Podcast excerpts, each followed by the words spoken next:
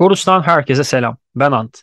Bu bölümdeki konuğum müzisyen Barış Demirel olacak. Barış'ı ben de çoğunuz gibi 2021'de yaptığı Mutluluklar albümüyle keşfetmiştim. Bugün konuğum olmayı kabul ettiğin için de çok mutluyum. Hoş geldin Barış. Nasılsın?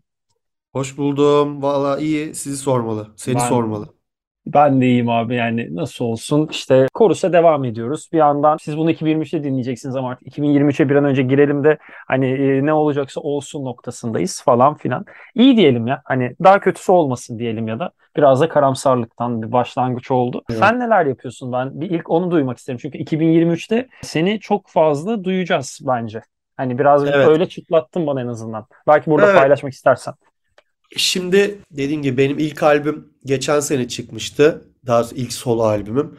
Ondan sonra bu sene yani 2023'te Şubat ayında ikinci albümümü, ikinci albümün ismi de Bir Aralar İyiydim. Onu Universal e, Müzik Türkiye'den çıkartacağım. Ondan sonra da üçüncü albümümü de bitirmek üzereyim. Üçüncü albümden de bazı single'lar yayınlayabilirim. E, Şubat'ta şu ikinci albümü yayınladıktan sonra. 2024'te de o albümü salmayı düşünüyorum. Onun dışında işte konserlerdir sürekli gözükmeye ve etkinliklerde işte private etkinliklerde e, çalmaya, gözükmeye çalışıyorum yani. Harika. Yani 2023'te az önce de söylediğim gibi hatta bundan sonraki senelerde de olmakla birlikte hemen yılın başında çıkaracağın için albümü bolca denk geliriz sana. Ben de Evet. yayına girmeden sana da söylemiştim. İki sefer direkten döndüm seni izleme konusunda. Artık üçüncüde şeytanın bacağını kırıp bu sene ben de canlı izlemeyi bekliyorum seni diyerek Bekleriz. Geliriz. Bekleriz. Barış Demirel Experience diyoruz biz ona. BD deneyimi diyoruz. Gelin Deneyelim. Deneyimlenmeli. aynen bir deneyimleyin. Deneyimlensin. aynen. Şöyle bugün burada toplanma sebebimiz bu arada benim müzik dinleyiciliği denen kavramla tanıştığım ilk iki albümden biri bu arada. Green Day'in e, American Idiot albümü 2005'te 2004'ün sonunda çıkan. Ben o zaman Evet. 6 yaşında 7 yaşındayım oradan hesapla. Evet. İnanılmaz bir albüm. Her şeyiyle yani neresinden ele alsak övmelere doyamayız. Öveceğiz oraları ama buraya gelmeden önce ben senin nasıl tanıştığını ve hani koluna Jimmy dövmesi yaptıracak ya da e, ne bileyim WhatsApp durumuna Jesus of Suburbia yazdıracak kadar seni etkilediğini biraz öğrenmek istiyorum. İlk nerede, nasıl tanıştın? Oradan seni etkileme sürecini biraz anlatırsan. Oradan da yavaş yavaş albümün de kendi içindeki e, hikayesine geçeceğiz. Çünkü biliyorsun albümde de müzikal gibi bir hikaye anlatılıyor. Evet, evet, evet bir rock opera gibi. Şimdi şöyle ben Green Day'i yani aslında 90'larda 2000'lerin başında da gayet meşhur olan bir grupken aslında 2000'lerin başında e, ilk duydum. Ondan önce ne? Şimdi bizim zamanımızda ben e, 88'liyim. 90'ların sonuna doğru inanılmaz bir Offspring patlaması vardı. Americana albümü her, herkesin dilindeydi yani. Her, çoğu, çoğu çocuk falan bilirdi benim jenerasyonda, benim etrafımda olan. Dolayısıyla o albümü hatim etmiştik. Oradan bir e, tabii ki de Blink-182 vardı. Bunlar ikisiyle beraber böyle büyüdük. Sonra lise 1'deyken e, bir gün böyle bir müzik odası vardı e, okulun. E, oraya gidip bir anda böyle bir When I Come Around çalmaya başladı böyle çocuklar. Ben de o akorlara bakıp onlara eşlik etmeye başladım. Böyle ama bilmiyorum ne çaldığımızı. Sonra da davulcu arkadaşım ne, ne çalıyoruz lan biz de When I Come Around dedi bu işte Green Day'in parçası. Aa ben başladım Green Day e, işte böyle albümleri edinmeye. Daha doğrusu bir tane o zamanlar ya MP3 ya işte böyle internetten indirme download programlarından falan indiriyordun şarkı şarkı ya da işte gidip albümü alıyordun. Dolayısıyla şey oldu. Bir Best of Green Day albümü alınca birçok böyle hitini aslında bir sürü single'ını öğrenmeye başladım, dinlemeye başladım. Öyle. Dolayısıyla da hani orada aslında Green Day ile tanışmam benim 2002-2003 falan. Fakat sonra ertesi yıl bu American Idiot albümü yayınlanmasıyla birlikte bir sürü böyle hani sürekli televizyonda da kliplerini görmeye başladık. E bir de çok iyi bir prodüksiyondu. Yani çok iyi dışarıya sunuluyordu her şeyle. Görsel, klipleriyle, e, albüm kapaklarıyla, fotoğraflarıyla, duruşlarıyla, kıyafetleriyle, kendileriyle bir yandan dalga geçtikleri halleriyle ama bir yandan da böyle ciddi politik bir duruş var. Tam da o zamanlar böyle işte Irak işgali var Amerika'nın. İşte e, George Bush'a karşı işte bir takım şeyler. Tabii ki yani zamanın da getirdiği bir muhaliflik de olabiliyor. Hani bu muhalifliği bir şekilde paketleyip de kullanabiliyorlar. Bu da bir PR şeyi olabiliyor onlar için. Her şeyi birleştirip böyle inanılmaz bir sunum yaptılar. Ve her şeyden ötesi şarkılar harikaydı abi. Yani o o zamana kadar o kadar ya o pop rock grupları arasında ya da işte ne bileyim Ee, böyle en çok göz önüne sunulan gruplar arasında işte bahsettiğim gibi Offspring, Blink-182 ve Green Day. Bunların hepsinin arasında en böyle patlangoçlu olan Green Day'in American Idiot'ını görmüştüm o zamana kadar. O beni çok etkilemişti. Sanırım sorun cevabı bu. Ben de şunu söyleyecektim. Mesela senin burada e, tamamlamanı bekliyordum. Mesela ben de şöyle bir şey fark ettim. Hani iyice senle de albüm seçimini konuştuktan sonra punk rock ya da punk müzik tarihinin en mainstream albümü bu olabilir. Yani dünyadaki her farklı yerden insanı direkt e, eline alan ve hani Green Day'in önceki albümlerini o kadar sevmeyebilir ya da sonraki albümlerine ilgi duymayabilir ama American Idiot bir dönem doğan insanların ve bir, aslında bir dönem de değil. Hani American Idiot'tan öncesi ya da sonrası doğmak da fark etmez. Herkesle çalışan bir iş. E bunda şarkı sözü yazarlığı desen var. İnanılmaz güçlü baslar, inanılmaz güçlü bir davul var. Sürekli çok atak bir enerjik bir halde gitarlarda Billy Joe olabilecek en basit şekilde en güçlü şey çalıyor. Sürekli power chord çalarak bir albüm yazıyor. Ama bu power chordlarda e, yaptığı şey de tamamen dinleyiciyi Ama eline alıyor. şeyler de var. Tabii, ya dediğin çok doğru. Ya müzikal olarak ciddi zorlamışlar hani kendilerini ve şey var. Şarkılar bir yandan böyle episodik hani zaten bir hani hikaye anlattığı için onu da geçeriz. Hikaye anlatıyor yani böyle bir şeyin Jesus of Suburbia'nın aslında hikayesi anlatılıyor bir yandan ama şey böyle. Dolayısıyla çok episodik şarkılar var.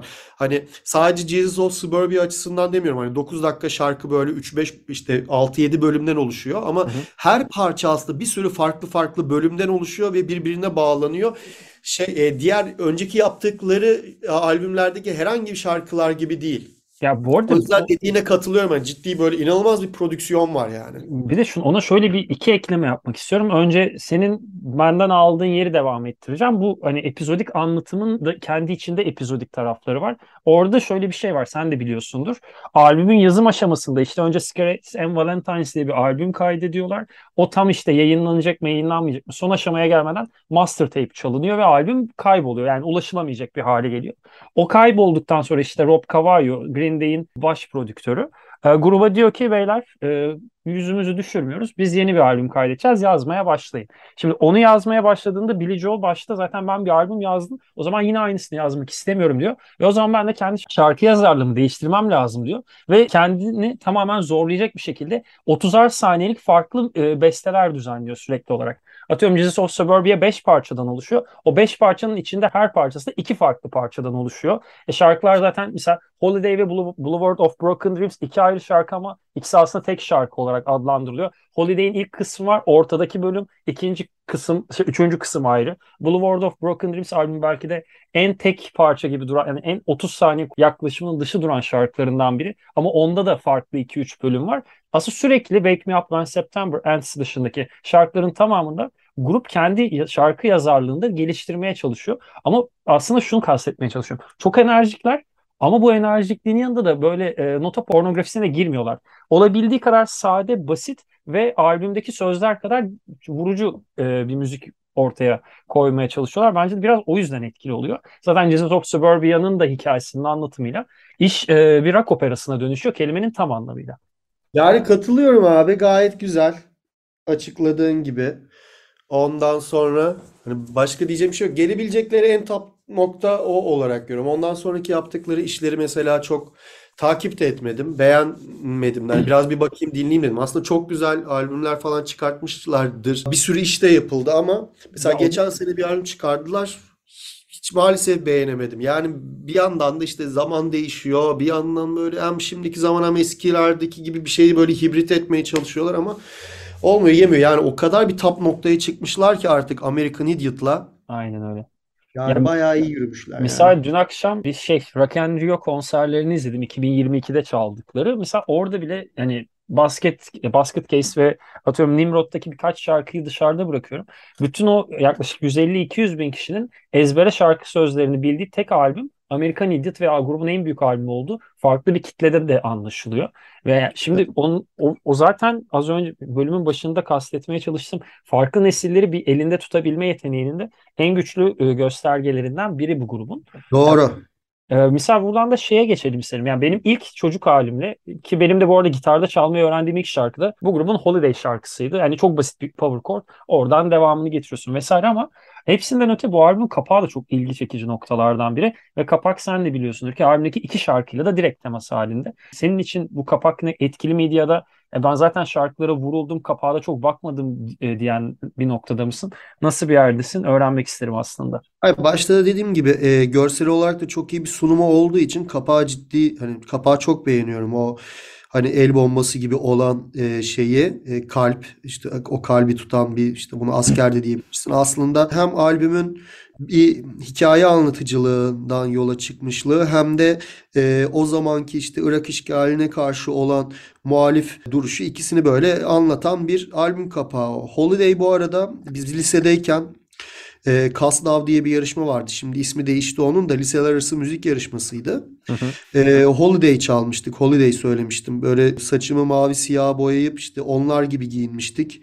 Ondan sonra gözüme böyle işte bir şeyler falan sürme, rimel bir şeyler artık neyse kalem onlardan falan çekip Öyle çıkmıştık. Çok güzel zaman. Holiday'in o yüzden bende şeyi de farklıdır. 2006 yılıydı. 2005-2006 yılıydı. Onun yeri bende ayrı. Bu albümün kapağında da ben bir iki tane dikkatimi çeken nokta var. She's a Rebel şarkısı albümün biraz arkada kalan şarkılarından biriydi. Orada bir söz var. İkinci köprüde olması lazım. And she's holding my heart like a hand grenade diyor. Yani e, benim Aa, kapak Kapağı aynen o cümleden esinlenerek üretiyorlar ve onun üzerine ben hiç de dikkat etmemiştim. Ben de işte albüme çalışırken işte bütün lirikleri böyle detaylı bir kurcalayayım dedim orada karşıma çıktı. Bir de ikinci evet. olarak şunu fark ettim. Jesus of Suburbia şarkısının girişinde deniyor ya I am the son of rage and love diye. Hani Aha. öfkenin ve nefretin çocuğu olmak ve o She's Rebel'deki söz ikisi birleştiğinde albüm kapağında çok daha dikkat çeker ve daha böyle dolu bir temele ulaşıyor sanki. Yani en azından ben öyle bir çıkarımda bulundum. Mantıklı mantıklı ya bence bence kesinlikle öyledir.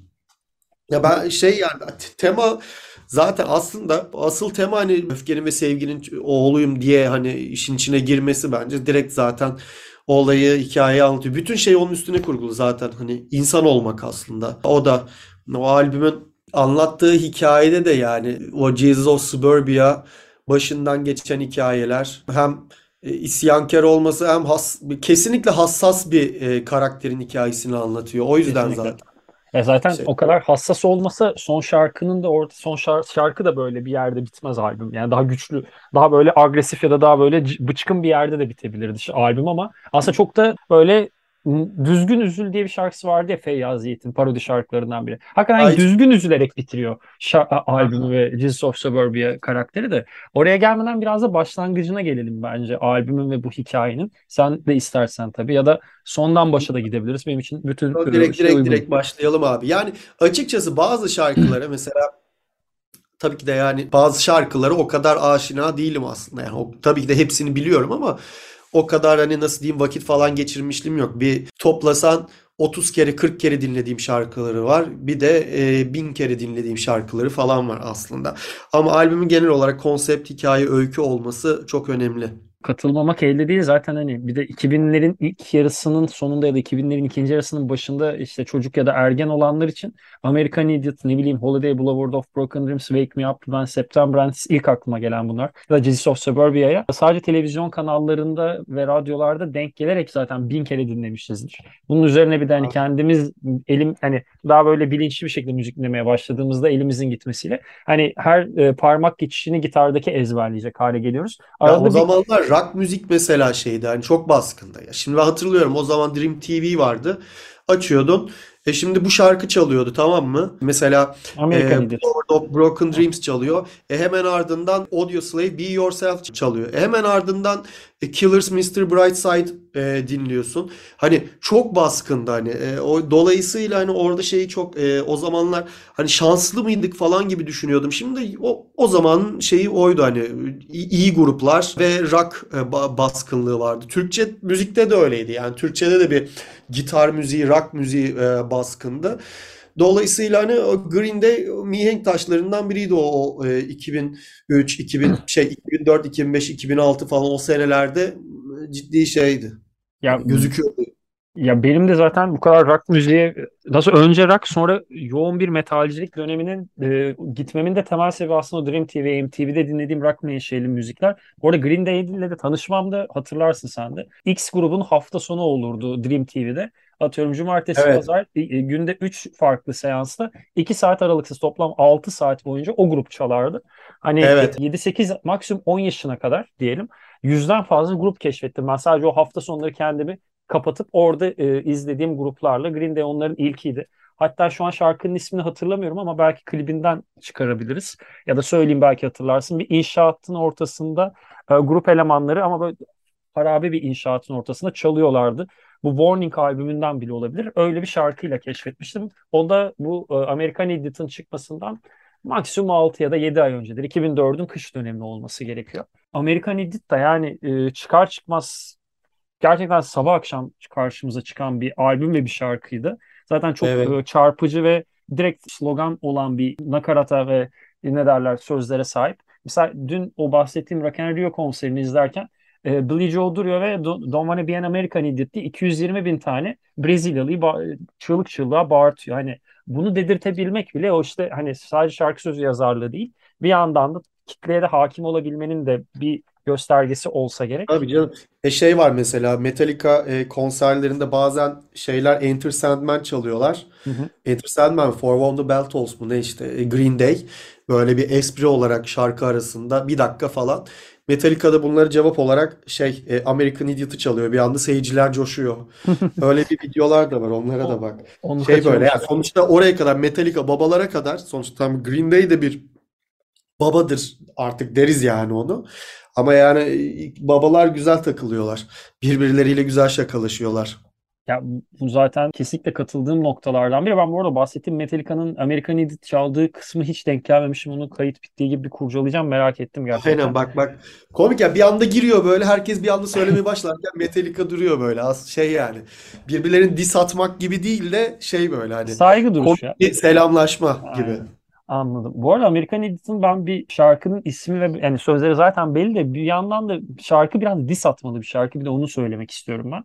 Hani e, Lynyrd Skynyrd benim çok sevdiğim gruplardan biri değildir. Sevenlerine büyük saygı duymakla da birlikte. Onların That's How I Like It diye bir şarkısı varmış. Ben de bu şarkıyı ilk kez bu bölüme çalışırken dinledim. Şarkıda resmen e, redneck olmaktan gurur duyuyorum e, minvalinde sözler var. Ve Billie Joe da Aha. bunu duyup abi siz ne yaşıyorsunuz siz ya hani ve bunu niye bu kadar çok insan dinliyor diye adeta delleniyor arabasında ve stüdyoya girer girmez işte o klasik Amerikan Idiot'ın o e, giriş riffini çalmaya başlıyor. Onun üzerine de işte o jam session'larda bir iki gün içinde şarkı çıkıyor ortaya. Allah Zaten Allah bak aynen. hiç bilmiyorum. Ve şarkı yani bu albüm zaten toplam 3 ayda kaydediliyor. Yani albüm bestesi artı kaydı 3 ay. Bu çünkü o az önce bahsettiğim o Cigarettes and Valentines'ın master tape'i kayboluyor. Grubun albüm çıkarması lazım. Evet. Ve o işte o 30 saniye fikriyle çok yaratıcı bir sürece giriyorlar garip bir şekilde. Yani atıyorum basçı Mike Dirnt'ten tut davulcu Trekola hepsinin şarkı sözü yazarlığına katkıları var. Atıyorum Trekool'un söylediği kısımlar var. Mike'ın nitekim. Hani bütün elemanlar aslında Var bir, var. bir nevi şey noktasında o senin Cebimde 12 lira şarkında söylediğin o Hacı'nin Bilbao'ya attığı gol gibi moddalar zaten hepsi. Yani Evet evet evet. versen çalacak abi tamam hallederiz gibi. Bu şarkı da o, o- öyle bir yerden çıkıyor. Onu da bir dile getirmek istedim. Çünkü ben okurken bir ilgimi çekmişti. Jesus of Suburbia'yı zaten bahsettik. Hani orada o, bu Bu arada. American Idiot benim hani o albümdeki en böyle dinlemekten keyif almadığım şarkıdır. Yani şey bilmiyorum o ço- çocukluktan beri yani orayı duy o şarkı beni hiç çekmedi. Ama hani Jesus of Suburbia'nın sanırım hatta kısaltılmış da değil bayağı 9 dakikalık klibini izledik yani. Bu- bu- Ve izliyorduk yani ciddi sinematik bir şey var. Ondan sonra e, sözleri ve hikayeyi çok iyi anlatıyor. Çok iyi çalışmışlar. Zaten etkileyici bir sürü yeri var. E, İşte yani artık böyle kasabadan, o insanlardan, o havadan sıkılmış olan çocuğun e, artık tükendi. Buradan gitme vakti geldi e, noktasına nasıl geldiğini aslında anlatan bir şey. Bunun içinde annesiyle olan problemleri de var. E, toplumla olan problemleri de var. Maddi problemler. Ondan sonra ortamın artık kendi içinde bulunduğu bir dönemde mutlu olduğu ortamın artık tamamen kokuşmuş olması ve çok ciddi bir e, toksik bir ilişkisinin olması. En sonunda mekanı terk etmesiyle ve hikayenin başlamasıyla e, Aynen öyle. bitiyor aslında. Aynen. Hikaye o şarkının sonunda başlıyor aslında bildiğimiz. Bunun klibinden ben çok etkilendim. Özellikle klibin artık böyle hani daha şarkının climax bölümünün başladığı durun durun durun durun I don't durun care kısmı. I don't care kısmından sonra Ha Little Oat'a başlarken. Okey. Tamam. Aynen sevgiliden ayrılıyor. Sevgiliden ayrıldıktan sonra da artık terk etme. Hani I'm leaving kısmının artık başlangıç Aynen. kısmı. O orası artık geldiğinde işte ne bileyim böyle elini keser bir şeyde tuvalette e, oraya o tuvalete de sürekli aslında gelip gidiyorlar. Orada orası onların bir şekilde aslında drug kullandıkları da bir alan. Böyle sürekli oraya kapandıkları bir, an, bir, bir tuhaf bir yer. Sürekli yazı yazdıkları. Tamam işte punk ruhu. O kadar ben tatlı su punk'u diyebilirim en fazla kendim. O yüzden o kadar o punk ruhunu şey görsel simgelerin çok iyi anlatamayabilirim. Elini kesip böyle o eliyle kanıyla oraya Saint Jimmy yazması beni çok etkilemişti. O şarkının geldiği noktayla birlikte. Sonra da o aynı yazıyı işte böyle çıktısını alıp ekran görüntüsü alıp dövmecide e, geçen sene yaptırmıştım Ama bileğime. güzel yaptırmışsın onu da söyleyelim yani. Ama hani o bu arada etkileyici de bir görsel içerik. O dövmeye dönüş şey fikrinde grup elemanlarının aklından geçmeme ihtimali yok. De zaten dönüşmüş. Şarkıda şöyle bir yer var. O son kısımda inanmak için işte to fight what you believe. Ya inandığın şey için savaş, devam et falan gibi e, kelimelerin gelmesi hani aslında artık burayı terk edip yeni bir başlangıca geçmenin gerektiğini, artık bir arayışa geçmenin gerektiğini bir yüreklendiren bir kısım aslında orası. O, o beni Jesus of Suburbia'yı böyle bende ciddi anlamda yükselten böyle hayatıma çok önemli bir parça yap- yapan aslında o son kısımdaki geçen sözler. Yani harika anlattın. Bunun üzerine çok da diyebileceğim bir şey yok ama şuraya gelebilirim belki oradan. Hani o e, aslında hayata başlangıcı ve hayatın e, ba- kendi banyosundan çıkması da hani Holiday'deki Holiday aslında o bildiğimiz Holiday değil. Aslında bir nevi hayatın da onun için başlangıcı. Ve hani orada böyle tabii elbette Amerika Irak Savaşı'na karşıtlığı falan oraları kenarda bırakıp e, bu karakter üzerinden anlattığımız hikayede kendi yaşadığı yerden çıkıp şehre geliyor. O şehre Evet. geldiğinde hafif dağıtma, partileme, biraz da yaşamayı keşfetmeye başlarken hani Boulevard of Broken Dreams'in girişindeki o e, reverb'lüydü yanlış hatırlamıyorsam gitarı. Tremolo. Tremolo pardon. Ha Aynen. Tremololu gitarla birlikte zaten orada karakterin de bir ruh halindeki değişimi çok net duyabiliyoruz. Orada aslında karakter yalnızlaşmaya ve yalnızlaştıkça ne kadar amaçsızlaştığıyla yüzleşmeye başlıyor. Ve bu da onu Evet. sıradaki şarkıya yani Are We The Waiting ve az önce de adı biraz geçen Saint Jimmy'ye taşıyor. Are We The Waiting yalnızlık sonrası o kıl sağlığındaki deformasyonun en net bir, en net şekilde duyulduğu şarkıyken Aynen. Geldiğimizde dibe çakılıyor. Hani artık umutsuzluğa kapılmış halde değil zaten Hani artık umutsuzluk Sen, Sen Jimmy'ye sahip. Hani Sen Jimmy umutsuzluğun ötesine geçmiş bir durumda. Ve bu sebeple de aslında bu şarkıya da Sen Jimmy'ye kadar Sen Jimmy diye bir karakter yok albümde. Mesela Yok. evet, Yok. oraya kadar Jesus of Suburbia'yı izliyoruz. Ama, Ama Sen Jimmy ile aslında- birlikte onun içindeki bir alter ego olarak e, aramıza katılıyor. Ve belki de Evet. albümün en e, belki müzikal taraftan değerlendirmek o kadar müzik bilen biri değilim. Haddim değil ama anlatım bakımından albümün en keyifli ve en climax'e doğru ilerleyen noktalarından birinin ortaya çıkarıyor bence. Öyle bir Hı hı. ben bu konuyu hafif ele almak istedim. Yani Sencimi şey ol yani kesinlikle ben alter ego olduğuna inanıyorum onun oradaki. Hani böyle yolda ne bileyim orada tanıştığı birisi gibi de anlatıldığı var ama işte sonunda yani şey işte yani adamın evet alter egosu olduğunu düşünüyorum ben de. Onun dışında zaten geri, aslında hikaye ikisini aldı. Hikaye aslında orada Sencimi ile sanki başlıyormuş gibi. Yani tamam hani Jesus Suburbia kendini doğuruyor şarkıda. Jesus of Suburbia'da. Aslında sanki şöyle düşünebiliriz işte. American Idiot'la başlıyor değil mi albüm? Evet. Sonra Jesus of geliyor. Sanırım şöyle American Idiot'ta bence olayın özeti ya böyle bir ortam var tamam? Hani hani Amerika'da işte bir yana toplumdan bahsediyor. Bence böyle bir kokuşmuşluktan bahsediyor. Böyle hani bir sevimsiz bir şey var. Hı hı, Bence mevzu artık bir doğum sancısı ve doğuş. hı hı. O doğuş Saint Jimmy'nin doğuşuymuş gibi Aynen düşünüyorum. öyle. Hani yolculuğa, yeni bir yolculuğa çıkıyor. American Idiot, Jesus ondan sonra hop artık bir maceramız başlıyor. Aynen öyle. Burada She's a Rebel bence albümün ikinci doğumunun da ortaya çıktığı yer. Çünkü Billie Aşkıyla tanışıyor. Yeni yeni bir kızla tanışıyor. Aynen öyle. Sonradan Billie Joel'un attığı bir tweette bu karakterimizin de asıl isminin Amada olduğunu öğreniyoruz ama bu şarkı zamanında bunu bilmiyoruz. Orada She's a Rebel'de zaten bilmiyorum. aslında gerçekten aşık oluyor. Neden acaba Amada? Ya onu hiç açıklamamış. Ben de biraz araştırdım neden olduğunu. Sadece adının Amada olduğunu bilmeniz yeterli gibi bir tweet'i var Billie Joel'un. 2011 ya da 2012'de attı.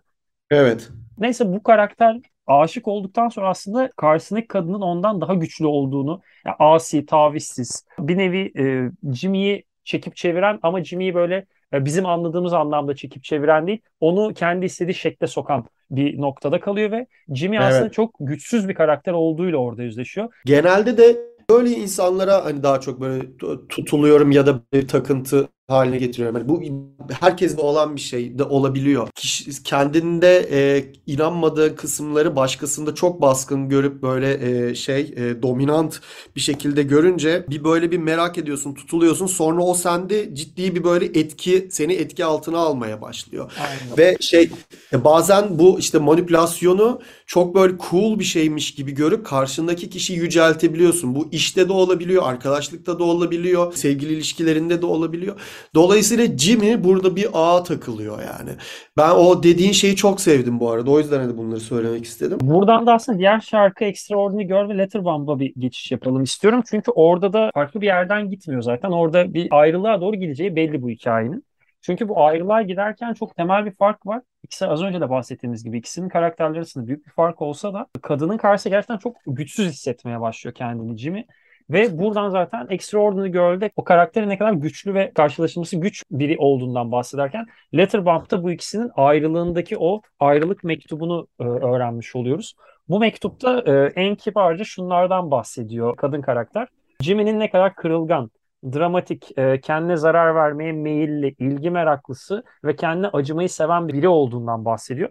Ve Jimmy bunları okuduktan sonra aslında iyice kendini dipte hissediyor ve orada aslında onun için kırılma yaşanıyor. Bu kırılmada onun artık Jimmy karakteriyle hayatını devam edemeyeceği ve bunun yerine e, Jimmy'yi öldürüp kendini evine yani Jesus of Suburbia'ya geri dönüşüm başlaması gerektiğine karar veriyor. Bu da bize aslında sıradaki değil, sıradaki şarkı Wake Me Up When September Ends. Ona en sonda bir ufak değiniriz. Ama ondan sonraki şarkı yani bu e, aksın devamındaki Homecoming'e götürüyor. Homecoming grubun deyişiyle e, bu operanın, bu albümdeki albümün opera halinin climax noktası. Çünkü e, az önce dediğim gibi Jimmy ölmüştür ve onun yerine Jesus yaşıyordur.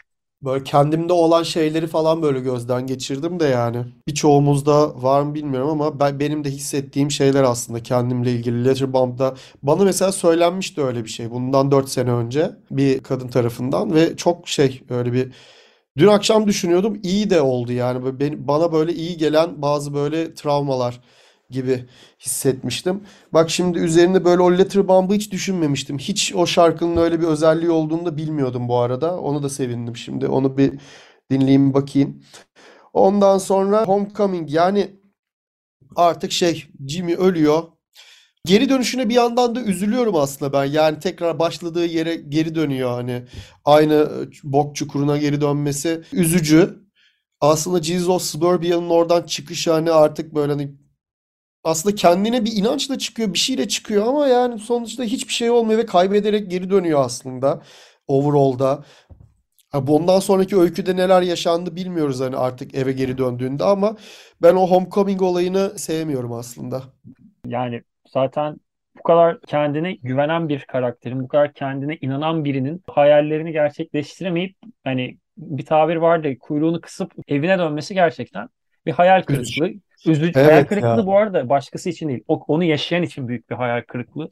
O noktada aslında Jimmy ile kendimde en çok e, bağdaşlık kurduğum şarkı da Homecoming'de. O yüzden de hani enstrümanı çalmanın ya da dinlemenin ötesinde biraz daha lirik tarafta e, beni en etkileyen şarkısı bile olabilir bu albümün. O yüzden de özellikle zaten Letterboxd'un üstüne bunun gelmesiyle insan iyice bir yüzleşiyor. Ben ben henüz o tarz bir mektup almadım birinden ama ona benzer noktaları gelebilecek diyaloglar yaşadığım için de o his geçiyor arada. O yüzden de Jimmy ile bazen o paydaşlığı, bazen o Evet. bağlantıyı kurduğuma üzüleceğimi aslında seviniyorum. En azından bir olduğum yerde saymıyorum hissini veriyor. Büyük ihtimal senin için de aynı durum. Ya da aynısı olmasa benzer bir doğrultudadır. Ve Jesus eve dönmüştür e, sıradaki şarkıda.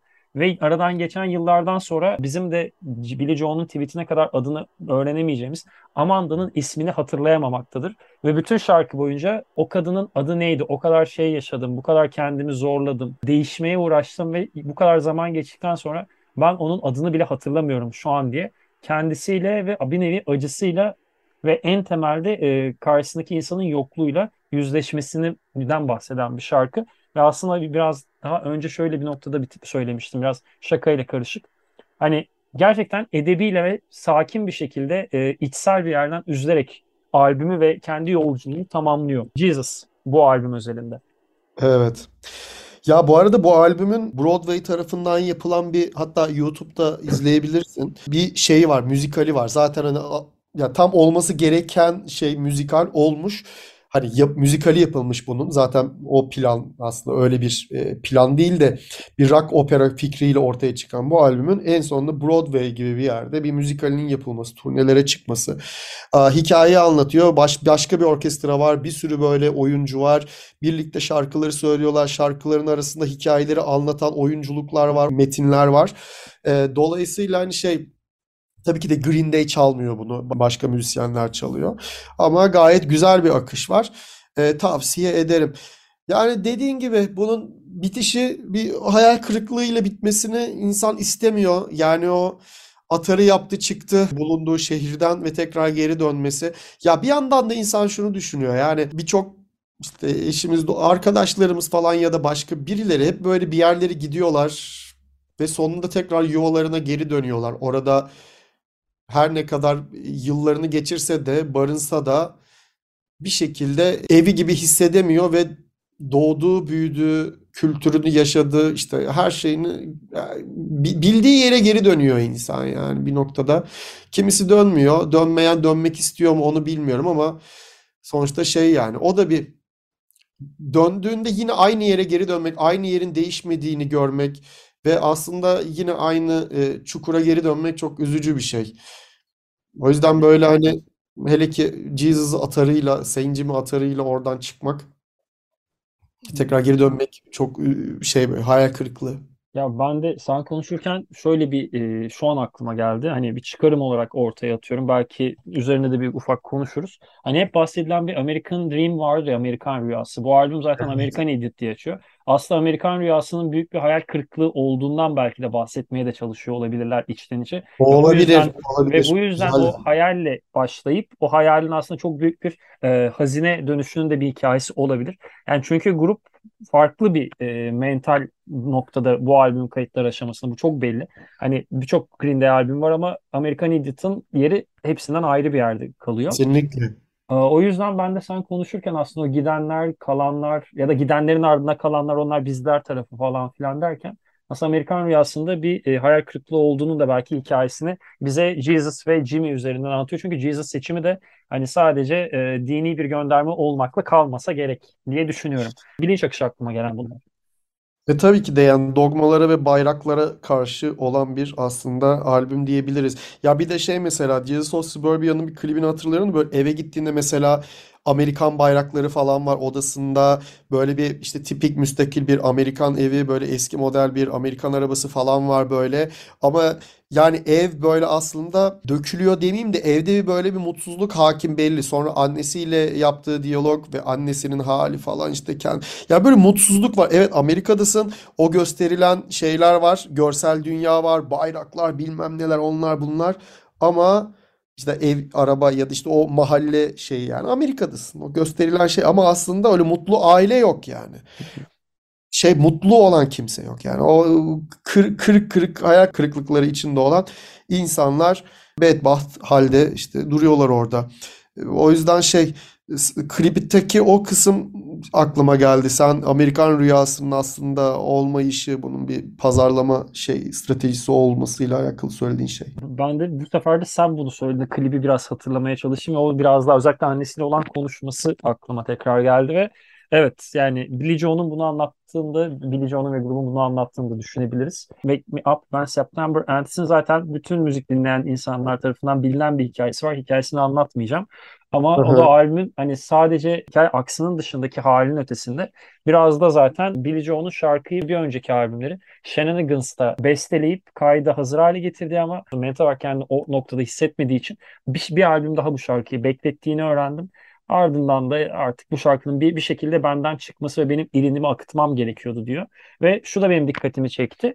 Ee, o yine Rock, Rock in Rio konseri ve birkaç farklı konserini izlediğimde hangi yılda olursa olsun babasının ölümünün ardından kaç sene geçtiyse son dörtlükte hatırlarsın When, my, when the Fathers Passed Away e, 20 Years e, blah blah diye gider ya orada işte 40 Aha. Years Past diye alıyor. Her konserde kaç sene geçtiyse oradan anlatıyor. Ben de işte kendi babamı benzer ya. aralığında Ha. kaybettiğim için Oradan ben Başın de olsun. teşekkür ederim. Ben de oradan bir çıkarım yaptım. Benim için de öyle bir yerden naif bir şarkı olarak bu albümdeki varlığını sürdüren parçalardan biri. Ben de onu söylemiş olayım. Yani bu albüme dair konuşabileceğimiz daha çok fazla şey var. Bunu bence ikimiz de biliyoruz ve birçok insan da biliyor ama aslında konuşabileceğimiz birçok şey konuştuk ama bizim anlattıklarımız aynı senin dile getirmek istediğin ya da söylemeyi unuttuğumuz bir şey var mıdır? Öyleyse lütfen devam et. Keyifle konuşmak isterim. Yani çok keyifliydi konuşma. Ben böyle hani muhabbet yani kişisel noktalarda falan ilerler gibi daha çok düşünmüştüm. Ama böyle albümü ilk defa ben biriyle böyle irdeleyip konuştum. O hoşuma gitti gayet. Hani albümün hikayesi bazı yerlerde böyle sen konuşurken ya da ben konuşurken böyle o hikayenin içine girmek böyle tüylerim şu anda da yine diken diken etti. Aslında şöyle bir yandan da hayatımın böyle çok güzel bir zamanıydı. 17 yaş falan. 2005 yılı. O yüzden güvenli alanlara da böyle uğramak, çıkmak hani aslında böyle kötü bir hayatı anlatan, böyle bir hayal kırıklığı barındıran bir hikaye üzerine konuşuyoruz ama aslında o hikaye benim 17 yaşımda böyle arkada çalan bir soundtrack'ti ve çok güvenli, harika zamanlardı diyebiliyorum. Böyle safety zone'du yani benim için. Oraya da gidip geldim aslında o yüzden. Ben de şunu itiraf edebilirim ki sen Green bu albümü seçtiğinde ben tamamen ha, çok sevdiğim bir albüm onu konuşacağız mutluluğuyla albümü dinledim. Sonra şeyi fark ettim albümü tekrar tekrar dinledikçe aslında hani o safe zone hissi bende de var. Bir de ben çok çok yani 6-7 yaşındaydım bu albüm çıktığında. Ben 98'liyim. Hani çok küçüktüm ama buna rağmen albüm aslında bende ne kadar farkında olmadan işlediğini daha İngilizcenin iyisini dahi bilmediğim zamanlardan ne kadar işlediğini fark ettim. Müzik yapmaya çalıştığım zaman da ilk elime gitar alıp çalmaya çalıştığım şarkı bu albümden. Davulda öğrendiğim ilk şarkı Blue World of Broken Dreams'te o da buradan vesaire derken hani kişisel Aha, hayatında albümün kendi içindeki hikayesinde farklı okumalara açık, ebeveyn ya da değer verdiğin insan kaybı var. Yani her yerden konuşulabilecek bir noktada. evet. Aslında o yüzden de belki sadece bir punk albümü olarak ya da sadece bir rock albümü olarak ya da sadece müzik albümü olarak değerlendirmiyoruz. Albüm çıktıktan 17-18 sene sonra hani hadi beni geç sen müzik yapan bir insansın. Bunu insanlarla paylaşan bir insansın. Senin bile senin için o kadar yeri varsa albüm formatlarının ve albüm kavramında ne kadar kıymetli olduğunu sanki bizlere tekrar hatırlatıyor. Öyle. Benim Evet. aslında söyleyebileceklerim bunlar Barış. Yani gerçekten çok mutlu ettin gelerek beni. Çok Çok teşekkür ederim. teşekkür ederim. Ben de çok mutlu oldum. Çok güzel bir program oldu bence. Dinleyen herkese, sana da bana da akıl sağlığı diliyorum. Bu albümü tekrar böyle konuşmak beni çok mutlu etti. Beni de aynı şekilde. Sizleri de bizi dinlediğiniz için çok teşekkür ederiz. Korus yeni bölümlerde, yeni albümler ve konuklarla devam edecek. Kendinize iyi bakın. Hoşça kalın.